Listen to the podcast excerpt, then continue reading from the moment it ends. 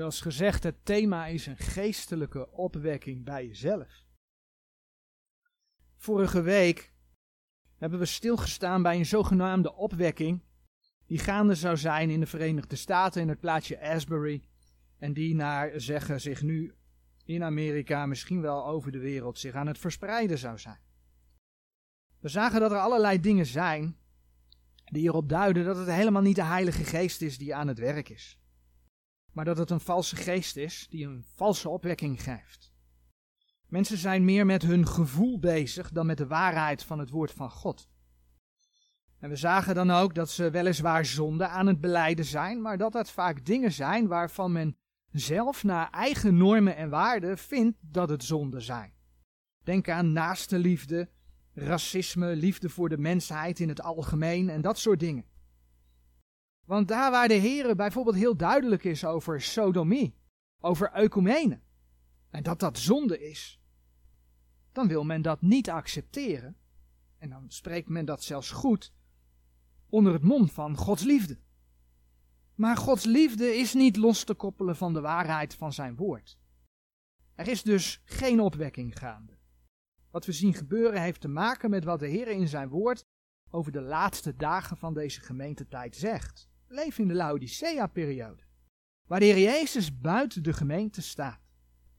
En waar juist een afval van geloof gaande is.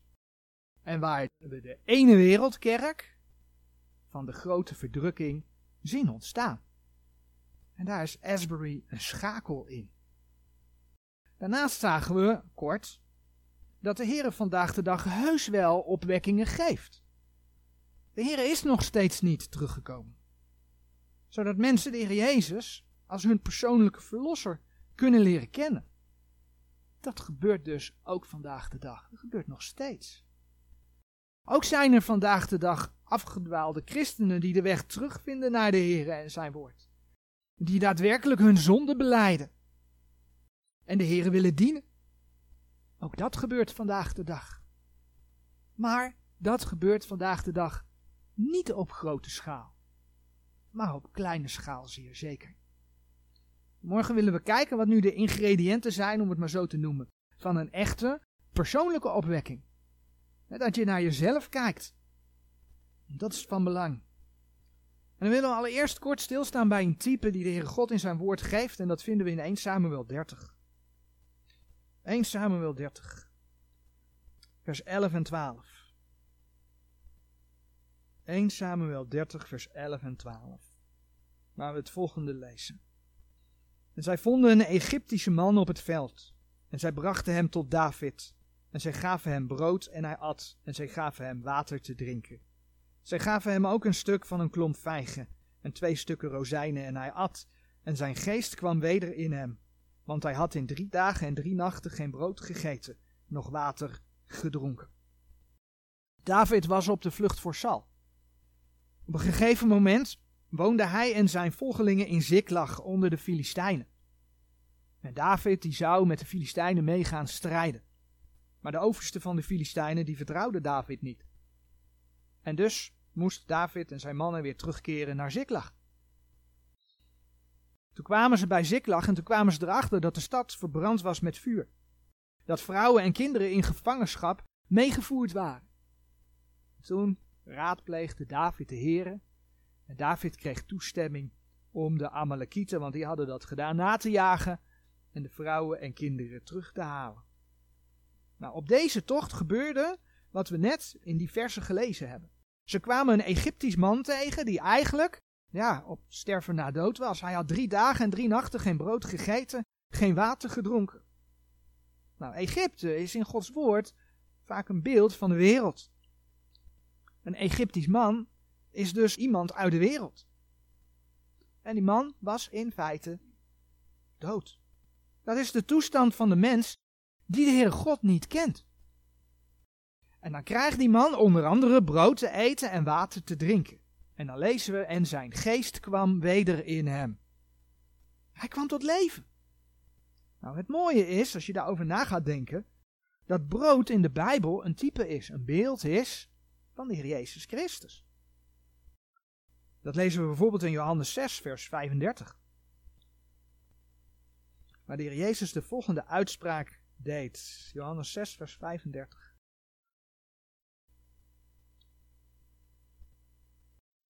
En Jezus zeide tot hen, ik ben het brood des levens, die tot mij komt zal geen zins hongeren, en die in mij gelooft zal nimmer meer dorsten. Waarom staat hier dat iemand die tot de Heer Jezus komt, nooit meer zal hongeren en dorsten? Nou, omdat de Heer Jezus eeuwig leven geeft. Daar gaat het hier in de context over. Kijk maar in vers 47 en 48 van Johannes 6. Voorwaar, voorwaar zeg ik u, die in mij gelooft, heeft het eeuwige leven. Ik ben het brood des levens. Dat is het mooie van het evangelie. Je krijgt om niet uit genade het eeuwige leven aangeboden.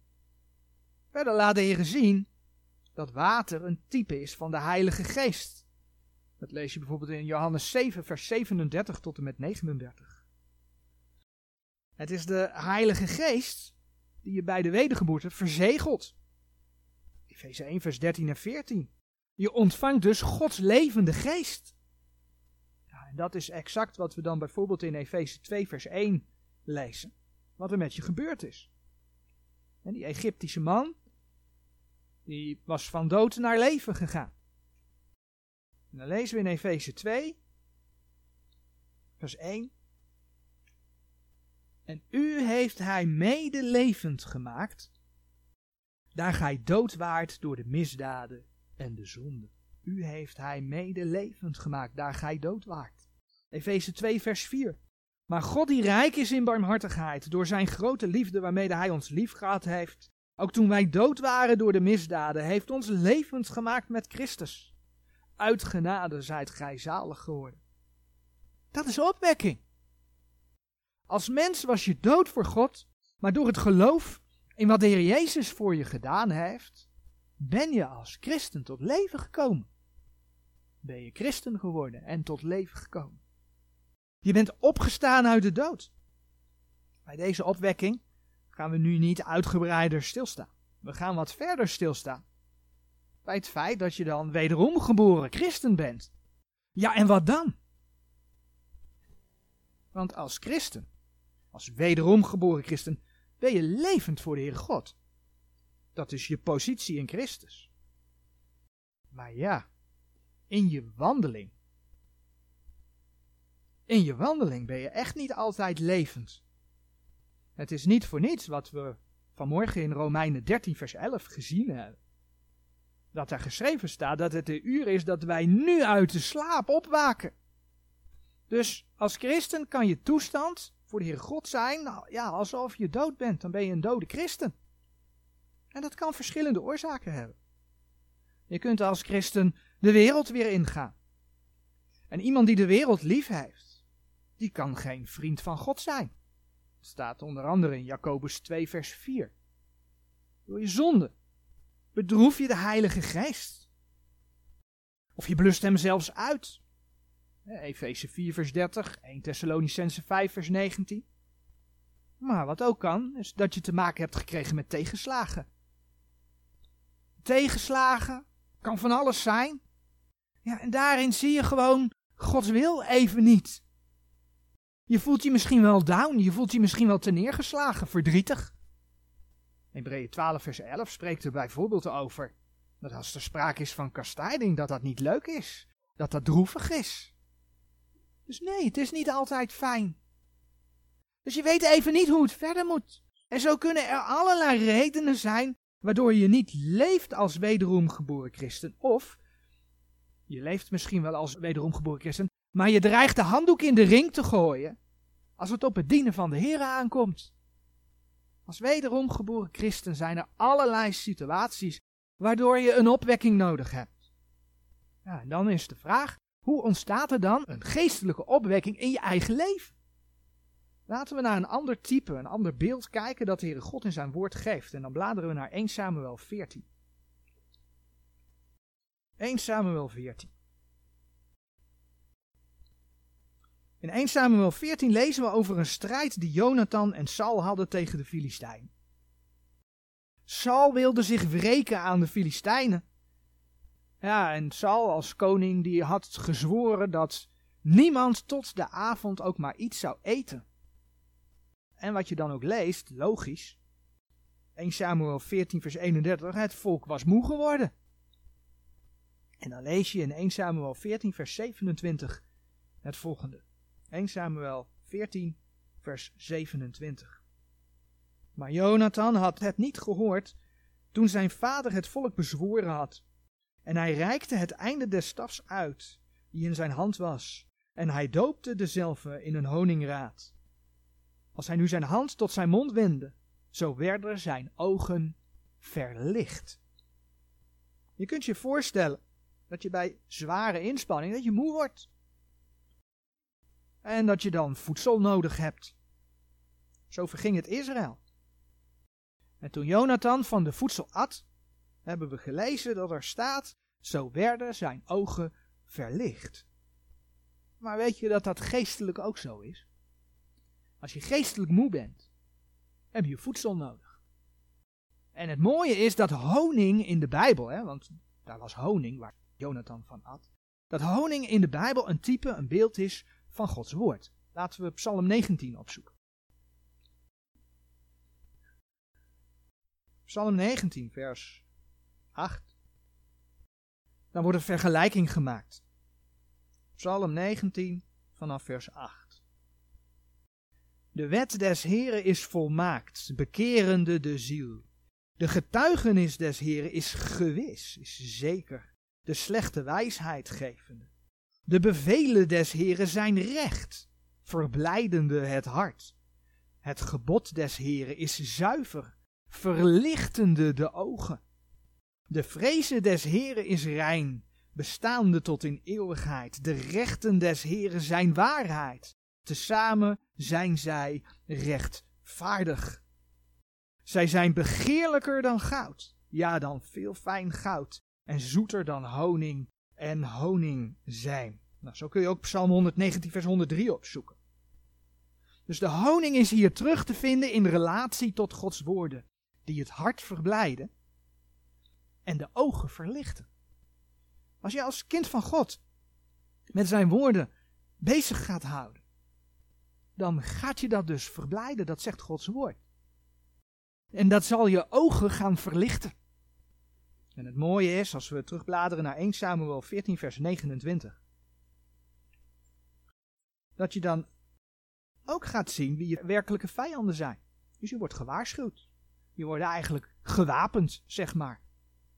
In 1 Samuel 14, vers 29.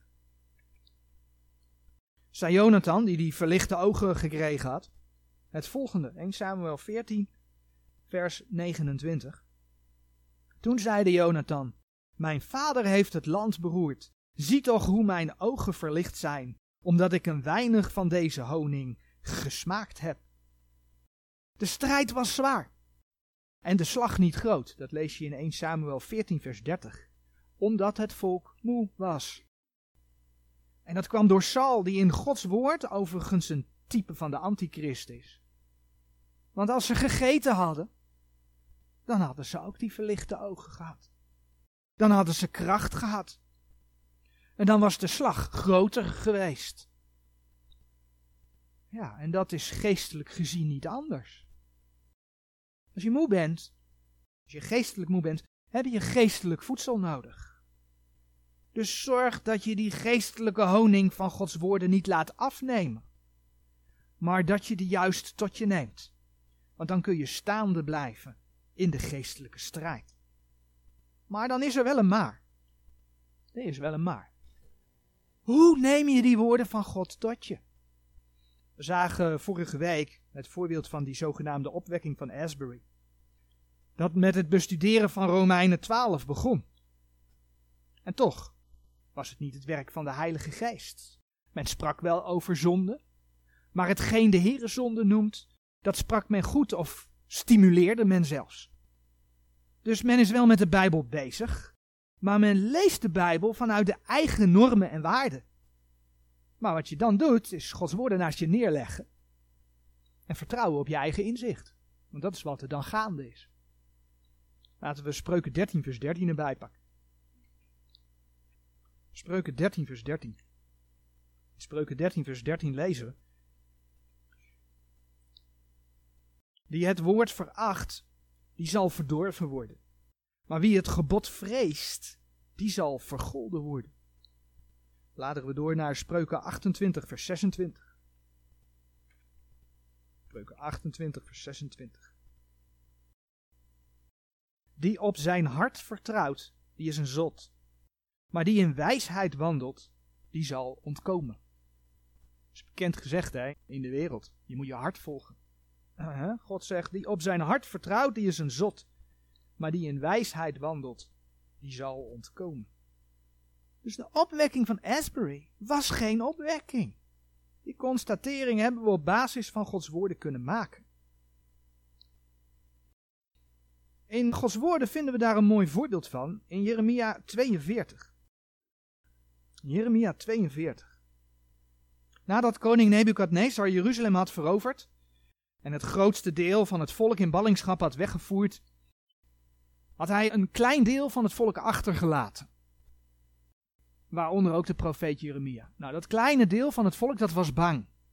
En zij kwamen tot de profeet Jeremia. En dan lezen we in Jeremia 42 de eerste zes versen het volgende. Toen traden toe alle oversten der heren, Johanan, de zoon van Karea, en Jezanja, de zoon van Hosaja, en al het volk van de kleinste tot de grootste toe, en zeiden tot de profeet Jeremia, laat toch onze smeking voor uw aangezicht nedervallen, en bid voor ons tot de Heere uw God, voor dit ganse overblijfsel, want wij zijn weinigen van vele overgelaten, gelijk als uw ogen ontzien. Dat ons de Heere uw God bekend maken, de weg die wij zullen ingaan, en de zaken die wij zullen doen. En de profeet Jeremia zeide tot hen, ik heb het gehoord. Ik zal tot de Heere uw God bidden naar uw woorden. En het zal geschieden. Het ganse woord dat de Heere u zal antwoorden, zal ik u bekend maken. Ik zal u niet één woord onthouden.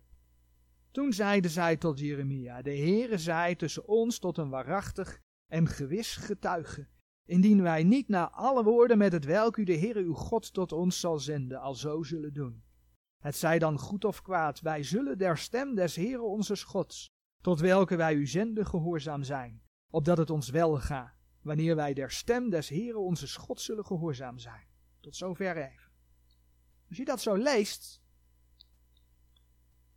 dan lijkt het erop dat het volk de Heer oprecht raadpleegde. Want ze wilden de Heer dienen. Dat staat toch in die verse. Maar dan komt hij. Het lijkt heel oprecht. Maar klaarblijkelijk was het verzoek helemaal niet oprecht. Want toen Jeremia met het antwoord kwam, een antwoord dat het volk niet zinde, dat ze niet moesten vluchten naar Egypte, dat ze niet bang moesten zijn voor Nebukadnezar, omdat de Heer hen zou redden. Weet je wat ze toen deden? Toen legden ze de woorden van God gewoon naast zich neer. Kijk maar in uh, hoofdstuk 42, vers 20 en 21. Hoofdstuk 42, vers 20 en 21. Gewisselijk, gij hebt uw zielen verleid, want gij hebt mij tot de Heer uw God gezonden, zeggende, bid voor ons tot de Heer onze God. En na alles wat de Heer onze God zal zeggen, alzo maak het ons bekend en wij zullen het doen. Nu heb ik het u heden bekendgemaakt, maar gij hebt niet gehoord naar de stem des Heer uw Gods, noch naar al hetgeen met het welk hij mij tot u gezonden heeft. Het volk luisterde niet naar de prediking van Jeremia. En Jeremia was echt niet de enige profeet die dat overkwam. Ezekiel, Ezekiel had met hetzelfde te maken. Laten we naar Ezekiel, uh, hou de hand bij uh, Jeremia, want dan komen we zo terug. En dan bladeren we naar Ezekiel. Ezekiel 33. En dan lezen we in Ezekiel 33, vers 30 en 31, wat Ezekiel overkwam. En gij, o mensenkind, de kinderen uws volks, die spreken steeds van u bij de wanden en in de deuren der huizen. En de een spreekt met de ander, en iegelijk met zijn broeder, zeggende, komt toch en hoort wat het woord zei dat van de Heere voortkomt. Nou, dat lijkt heel goed, hè? De mensen spreken over Ezekiel En ze willen naar hem toe om het woord van de Heer te horen. Moet je vers 31 lezen. En zij komen tot u gelijk het volk pleegt te komen. En zitten voor uw aangezicht als mijn volk. En horen uw woorden, maar zij doen ze niet. Want zij maken liefkozingen met hun mond. Maar hun hart wandelt hun gierigheid na. Wauw. Dat is wat de Heer laat zien. Kun je naar eh, Ezekiel 14, vers 3 bladeren. En daar zie je dan ook dat het volk tot Ezekiel komt. Ezekiel 14. Dat het volk tot Ezekiel komt. De mannen uit de oudste van Israël, die zaten neder voor mijn aangezicht. En dan lees je in vers 3 dat zij hun drekgoden in hun hart hadden opgezet. Zijn niet mijn woorden. Dat zij hun drekgoden in hun hart hadden opgezet. Dus het volk had allerlei dingen in hun hart die tussen Gods woord en hen instonden. Ja, en het gevolg daarvan is dus dat je in Jeremia 43, vers 2 tot en met 7 inderdaad leest dat ze wel gevlucht zijn. Precies wat de Heer niet zei, tegenovergestelde. Die mannen hebben het volk genomen. Jeremia moest ook mee. En ze zijn op de vlucht gegaan. Ze zijn naar Egypte getrokken. Wat je daarin ziet is dat ze eigenlijk al een plan in hun hart hadden. Hun gedachten waren eigenlijk al voorgeprogrammeerd. Ja, en toen de Heer anders besloot, wilden ze daar niet naar luisteren. Ze legden Gods woorden naast zich neer. En ze gingen gewoon hun eigen gang. Ja, weet je, die eerste versen van Jeremia 42, dat waren mooie woorden. Maar mooie woorden helpen niet. Want de Heer ziet het hart aan. Die ziet die voorgeprogrammeerde dingen. En uiteindelijk openbaart de Heer wie deze mannen zijn. In Jeremia 43, vers 2, daar lezen we. Jeremia 43, vers 2. Zo sprak Azaria, de zoon van Hosaja, en Johanan, de zoon van Karea, en al de trotse mannen, al de trotse mannen, zeggende tot Jeremia, gij spreekt leugen. De Heere onze God heeft u niet gezonden om te zeggen, gij lieden zult niet gaan in Egypte, om al daar als vreemdelingen te verkeren. Zie je wat daar gebeurt? Het waren trotse mannen. Het ging ze om zichzelf. Zij wilden vasthouden aan hun eigen gedachten, ze wilden vasthouden aan hun eigen plannen. Ja, en dat werd hun ondergang. Jeremia 42, vers 22, Jeremia 43. Nou, dan komen we in de eindtijd, de dagen waar wij leven. En eigenlijk is het vandaag de dag precies hetzelfde. En is de periode van Laodicea. En openbaring 3, vers 17 en 18 laten zien dat men in Laodicea, dat men blind is. Geestelijk blind. En de Heer raadt ogenzalf aan, zodat ze weer gaan zien. De Heer Jezus staat al eerder gezegd buiten de gemeente, openbaring 3 vers 20. En toch denkt men, openbaring 3 vers 17, rijk en verrijkt te zijn. En weet je, ze hebben hun afgoden opgezet in hun hart, hun drekgoden, zoals Ezekiel zegt. Of het nu eigen trotsheid is, of dat nu spullen zijn, dure dingen, die belangrijker zijn dan de Heer. Of het nu misschien personen zijn die belangrijk zijn, belangrijker zijn dan de Heer. Of dat het nu bijvoorbeeld eigen gedachten zijn. Denk aan het voorbeeld van Jeremia. Eigen gedachten zijn over de Heer en over zijn woord. Die belangrijker zijn dan de Heer. Het staat tussen hen en de Heer in. Ja, weet je, dan kunnen ze de woorden van God niet meer verstaan. Of willen ze er niet meer naar luisteren. Laten we 2 Korinthe 7 vers 1 opzoeken. 2 Korinthe 7 vers 1. Als je dit ontdekt in je eigen leven, dan mag je dat beleiden. In 2 Korinthe 7 vers 1 daar staat geschreven. Terwijl wij dan deze belofte hebben, geliefden, laten ons onszelf reinigen van alle besmetting des vleeses en des geestes, voleindigende de heiligmaking in de vrees Gods. De Heer wil je vlees en je geest reinigen en heiligen. Zo mag je ook beleiden als er dingen in je hart zijn tussen jou en de Heer, die tussen jou en de Heer instaan. Want hoe vaak kiezen wij iets anders te doen in plaats van bijvoorbeeld Bijbel lezen of bidden of naar prediking te luisteren? Hoe vaak zijn er misschien trotse gedachten geweest? Hoe vaak ben je gaan bidden en reik je de Heer eigenlijk zelf de oplossing aan? In plaats dat je van Hem de oplossing verwacht. Hoe vaak zijn er niet gedachten gevormd over Gods woord door dingen die je in het verleden gehoord hebt of meegemaakt hebt? Onlangs las ik een mooie spreuk. Komt niet uit de Bijbel, maar het is wel een mooie spreuk. Het is wel gebaseerd op wat Gods woord laat zien, wat Gods woord zegt. En die spreuk zegt: Het is niet hetgeen we niet weten dat ons in de problemen brengt, maar hetgeen dat we denken te weten maar dat niet zo is. Ik herhaal de spreuk nog een keer. Het is niet hetgeen we niet weten dat ons in de problemen brengt, maar het is hetgeen dat we denken te weten, maar dat niet zo is. Dat brengt ons in de problemen. Ons, zeg maar, voorgeprogrammeerde ideeën. Nou, ik denk dat we allemaal in meer of mindere mate op één of meer van die gebieden moeten oppassen. En als je daar alert op bent. En als je het de Heer beleidt. Dan maakt dat de weg open. Om Gods woorden te kunnen zien.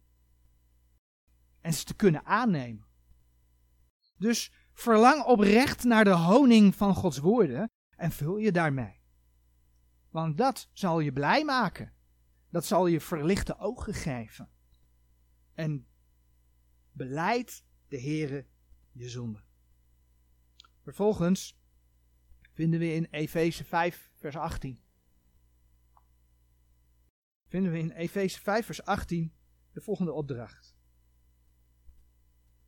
Efeze 5, vers 18. En word niet dronken in wijn waarin overdaad is, maar word vervuld met de geest. Als kind van God ben je niet altijd vervuld met de Heilige Geest. Of dat nu door zonde is, of dat nu door afmatting in de strijd is. En daarom heb je het nodig om vervuld te worden. Vervuld te worden met Gods geest. En weet je, dat begint bij trouw en oprecht je Bijbel te lezen. Niet omdat het moet, maar omdat je de Heer wilt zoeken. Niet omdat je bevestiging van jouw ideeën wilt hebben, die voorgeprogrammeerde dingen, maar omdat je geleerd wilt worden door de Heer. Dat begint bij trouw te bidden en je zonde te beleiden. Niet door de Heer jouw ideeën op te leggen, maar door zijn leiding te vragen. En zo mag je de Heer ook bidden om zijn geest. En nee, niet als in Asbury, hè, welkom, heilige geest van God. En de, de, Heer laat het regenen. Heer, zendt uw geest. Nee, want de Heer heeft zijn geest gezonden. Maar je mag wel bidden dat die geest waarmee je verzegeld bent, dat je daarmee vervuld wordt. Zullen we lezen wat Paulus de Efeziërs schreef in Efeze 1, vers 17 en 18. Efeze 1, vers 17 en 18. Laat ik vers 16 erbij lezen. Houd niet op voor u te danken, gedenkende uwer in mijn gebeden. Dit is dus een gebed wat Paulus voor de Efeziërs doet.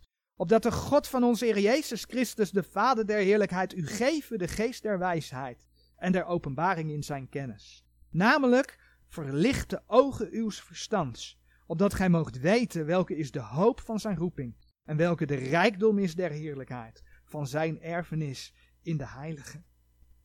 Het is zijn geest die je wil helpen om Gods woorden te mogen weten. Ik zeg het expres zo. Om Gods woorden te mogen weten. Je mag namelijk weten wat er staat. Je hoeft er niet naar te zoeken. Gewoon lezen. En weet je, dat geeft blijdschap. Dat geeft verlichte ogen. Dat geeft opwekking in je leven. En als laatste een vertroosting. En daarvoor bladeren we naar Genesis 45. Toen Jozef zich in Egypte aan zijn broeders bekend had gemaakt, Genesis 45. Toen zond hij zijn broers met wagens uit Egypte terug naar Canaan om zijn vader Jacob te gaan halen. Ik denk dat we de geschiedenis wel kennen. En Jacob die had al die tijd gedacht dat Jozef dood was. Dus toen hij hoorde dat Jozef nog leefde, dan lees je in Genesis 45 dat hij dat eerst niet geloofde. En dan lezen we in Genesis 45, vers 27. Maar als zij tot hem gesproken hadden al de woorden van Jozef, die hij tot hen gesproken had, en dat hij de wagens zag, die Jozef gezonden had om hem te voeren, zo werd de geest van Jacob hun vader levendig. Hij werd levendig. Hij werd levendig. Hij zag Jozef nog niet, maar wel de wagens die Jozef vooruit had gestuurd. En hij werd levendig. Jacob werd opgewekt. Hij zag vooruit om Jozef te ontmoeten. Nou, Jozef is in Gods woord een type, een beeld van de Heer Jezus Christus. Dus je zou deze gebeurtenis een type, een beeld van de opname van de gemeente kunnen noemen. Je ziet de Heer Jezus niet. Op dit moment. Maar je hebt zijn woorden gekregen. Zijn woorden die van hem getuigen. Zijn woorden die van zijn komst getuigen. Je ziet om je heen dat Gods woord in vervulling gaat. Dus je mag je verblijden met de toekomst van de Heer Jezus Christus. En dan zegt 1 Thessalonicense 3 vers 13. 1 Thessalonicense 3 vers 13. Opdat hij uw harten versterken om onberispelijk te zijn in de heiligmaking voor onze God en Vader in de toekomst van onze Heer Jezus Christus met al zijn heiligen. Opdat hij uw harten versterken. ondanks moeilijke dingen die je meemaakt. En ondanks dat het soms anders gaat dan je zelf dacht. Mag je je in die toekomst verblijden. Want Romeinen 8 vers 18. En dat is dan het laatste vers dat we opzoeken. Romeinen 8 vers 18 zegt. Want ik houd het daarvoor dat het lijden deze tegenwoordige tijds niet is te waarderen tegen de heerlijkheid die aan ons zal geopenbaard worden. Je mag naar de Here blijven uitzien. Je mag elkaar vertroosten met het vooruitzicht van de komende Here, zegt 1 Thessalonicense 4 vers 18. Dus hoe kun je een opwekking in je eigen leven krijgen? Door als kind van God te verlangen naar de honing van Gods woorden. Door te beleiden als er iets tussen de Heere God en jou instaat, bijvoorbeeld trotsheid, bijvoorbeeld eigen ideeën of andere afgoden. Waardoor je Gods woorden, als je dat beleidt, waardoor je Gods woorden niet naast je neerlegt. En er daadwerkelijk naar kunt luisteren en naar kunt leven. Door vervuld te worden met zijn geest. En door uit te blijven zien naar zijn komst. Dat geeft, zegt Gods woord, leidschap en verlichte ogen. Amen.